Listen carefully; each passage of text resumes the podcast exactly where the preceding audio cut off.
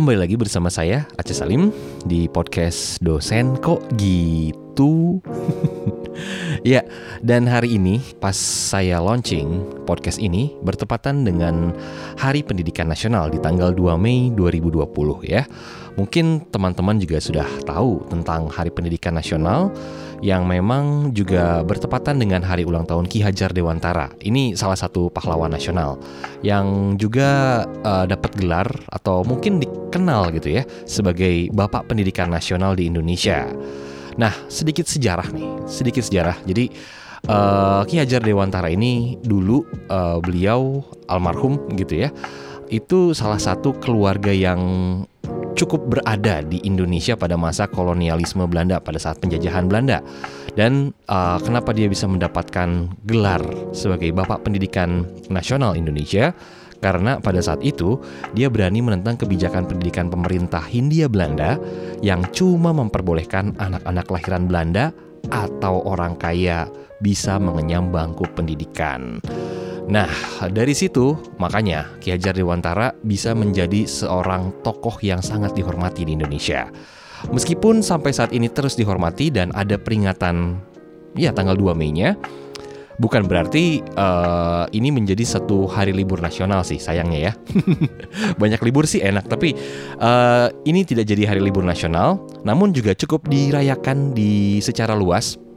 Kalau lagi nggak era COVID, biasanya pas hari pendidikan bisa jadi ada upacara dan ada semacam pidato dari pendidik-pendidik kalau di SMP SMA atau mungkin SD kali ya kalau di kuliah ya udah nggak ada hal-hal seperti itu nah tapi kita pengen flashback nih di Hari Pendidikan Nasional ini.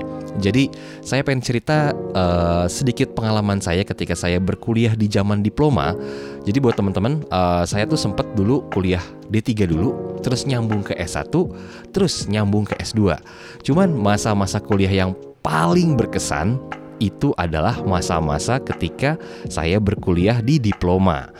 Diploma saya di UI uh, untuk komunikasi jadi sekarang kalau diploma D3 UI udah berubah namanya jadi vokasi. Tapi zaman dulu itu mulai dari tahun 97 berdirinya sampai dengan saya nggak tahu ya. Zaman diploma UI itu sampai tahun berapa hingga akhirnya dirubah jadi vokasi. Agak nggak sadar sama sejarah sendiri. Cuman iya, saya masuk waktu itu di tahun 2002. Dan di sana saya bertemu dengan banyak sekali teman dan pendidik-pendidik yang luar biasa. Di sana juga uh, saya tentu saja punya banyak uh, apa ya namanya ya cerita-cerita lucu yang tentu saja saya pengennya uh, terkait pendidikan. Jadi pada saat itu uh, D3 diploma itu di UI nggak seperti vokasi, dulu masih adanya di FISIP. Jadi pas di FISIP itu uh, kita nyampur gitu ya sama anak S1 dan ada juga beberapa anak S2 Cuman uh, jelas jam perkuliahannya. Kalau D3 itu masuk siang dari jam satu kalau nggak salah sampai dengan jam 5 sore gitu sampai jam 6 bahkan ya. Sedangkan kalau S1 ya dari pagi sampai sore tergantung jam kelasnya mereka. Tapi kalau di tiga di UI Visip dulu diploma ya itu dari siang sampai sore kecuali hari Sabtu. Kalau hari Sabtu anak S1 itu udah nggak ada biasanya atau kadang-kadang mungkin ada yang kelas pengganti. Tapi kalau D3 itu ada pasti dan itu pagi-pagi banget sampai dengan jam 11 biasanya. Nah, uh, di acara-acara perkuliahan saya tuh punya dosen yang ya berkesan-berkesan sekali. Mungkin saya pernah cerita tentang Mbak Tio yang pernah nggak ngelulusin saya di mata kuliah program radio, tapi akhirnya beliau yang mengajak saya untuk ngajar.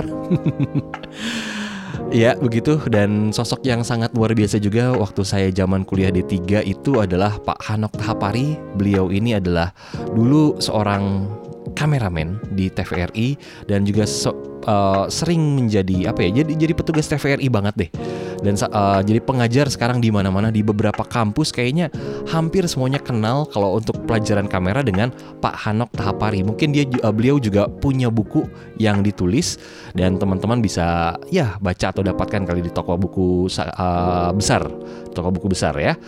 Lalu ada juga Mas Joko. Nah, Mas Joko ini uh, dia orang IKJ yang ngajarin saya tentang memberikan kesempatan intinya. Waktu itu beliau mengajarkan saya tentang uh, kuliah dia itu tentang dokumenter kalau nggak salah. Ya, salah satu bagian tentang dokumenter. Uh, jadi beliau suka meminta kepada teman-teman oh, untuk maju ke depan per ketua kelompok gitu ya atau perwakilan kelompoknya untuk coba kamu ceritakan ide kamu tentang uh, apa pun itu. Saya pikir ngapain orang mahasiswa disuruh ke depan ceritain ide dia kayak nggak penting gitu. Tapi ternyata dari situ saya belajar bahwa memberikan kesempatan kepada anak muda yang lebih segar itu itu adalah suatu hal yang luar biasa dan bagi mahasiswa itu adalah sebuah penghargaan. Jadi uh, kita bisa merasakan, mungkin teman-teman bisa merasakan kalau teman-teman masih mahasiswa bisa merasakan bahwa ide saya, uh, pemikiran saya diapresiasi dan itu bisa dijalankan. Mungkin ada masukan-masukan dari Mas Joko saat itu yang mengena ke saya juga. Lalu ada juga Mas Riza. nah ini unik nih, Mas Riza itu waktu dulu orang uh, sempat di Trans kalau nggak salah, terus juga sempat jadi salah satu petinggi TV Astro di Indonesia. Nah Mas Riza itu punya soal UAS apa UTS UTS UTS yang paling berkesan di seluruh angkatan saya. Jadi saat itu Mas Riza tuh uh, ngasih tugas UTS beberapa soal gitu ya. Tapi intinya dia kasih kisi-kisi. Sebelum ngerjain tugas ini, uh, sebelum UTS maksudnya, dia bilang baca berita yang banyak karena soal saya itu nyangkut berita-berita yang ada saat ini. Nah, saat itu berita-berita yang ada adalah tentang SARS, tentang perang Amerika dan Irak. Itu yang saya ingat banget gitu ya. Uh, Oke, okay. Nah uh, saya saat saya ngerjain sih saya masih cukup bisa mengandalkan di situ. Tapi saya agak-agak lupa tuh tentang SARS. Apa sih kepanjangan dari SARS? Namun setelah UTS selesai, itu soal-soal dibahas sama Mas Riza. Dan di situ ada satu mahasiswa yang Mas Riza nggak sebutin siapa namanya dan kalau nggak salah sih sampai sekarang juga masih jadi rahasia ya, jadi rahasia di angkatan saya. Uh, jadi dia tuh ada satu pertanyaan apa kepanjangan dari SARS gitu ya. Dan saat itu juga kan memang lagi ada masa perang Amerika dengan Irak dan di saat itu itu perang itu ada beberapa kejadian di mana Amerika sering melakukan salah uh, sasaran, salah target dengan mengirimkan rudal atau misal bahkan ke orang Amerika sendiri yang tentara Amerika sendiri maksudnya. Lalu ada yang ngisi jawaban SARS, kata Mas Riza, itu adalah singkatan dari salah arah rudal Scud.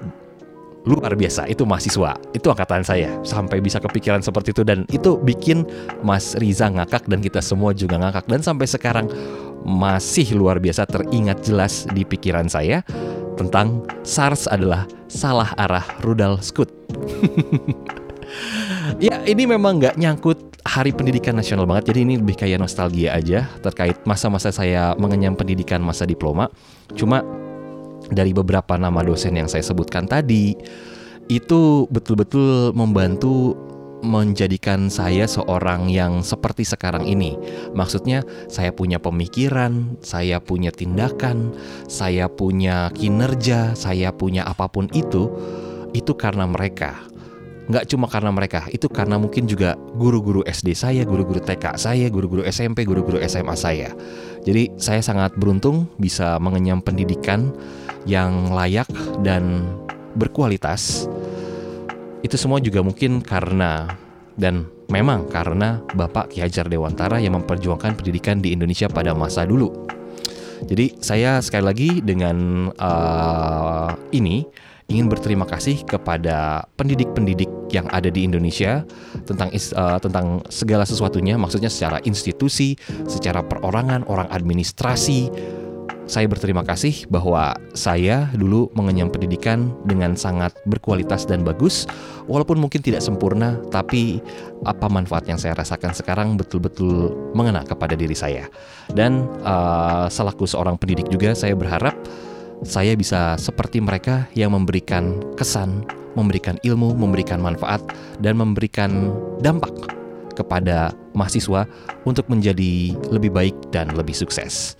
Terima kasih banyak dan sampai jumpa lagi di podcast saya yang selanjutnya di podcast dosen kok gitu.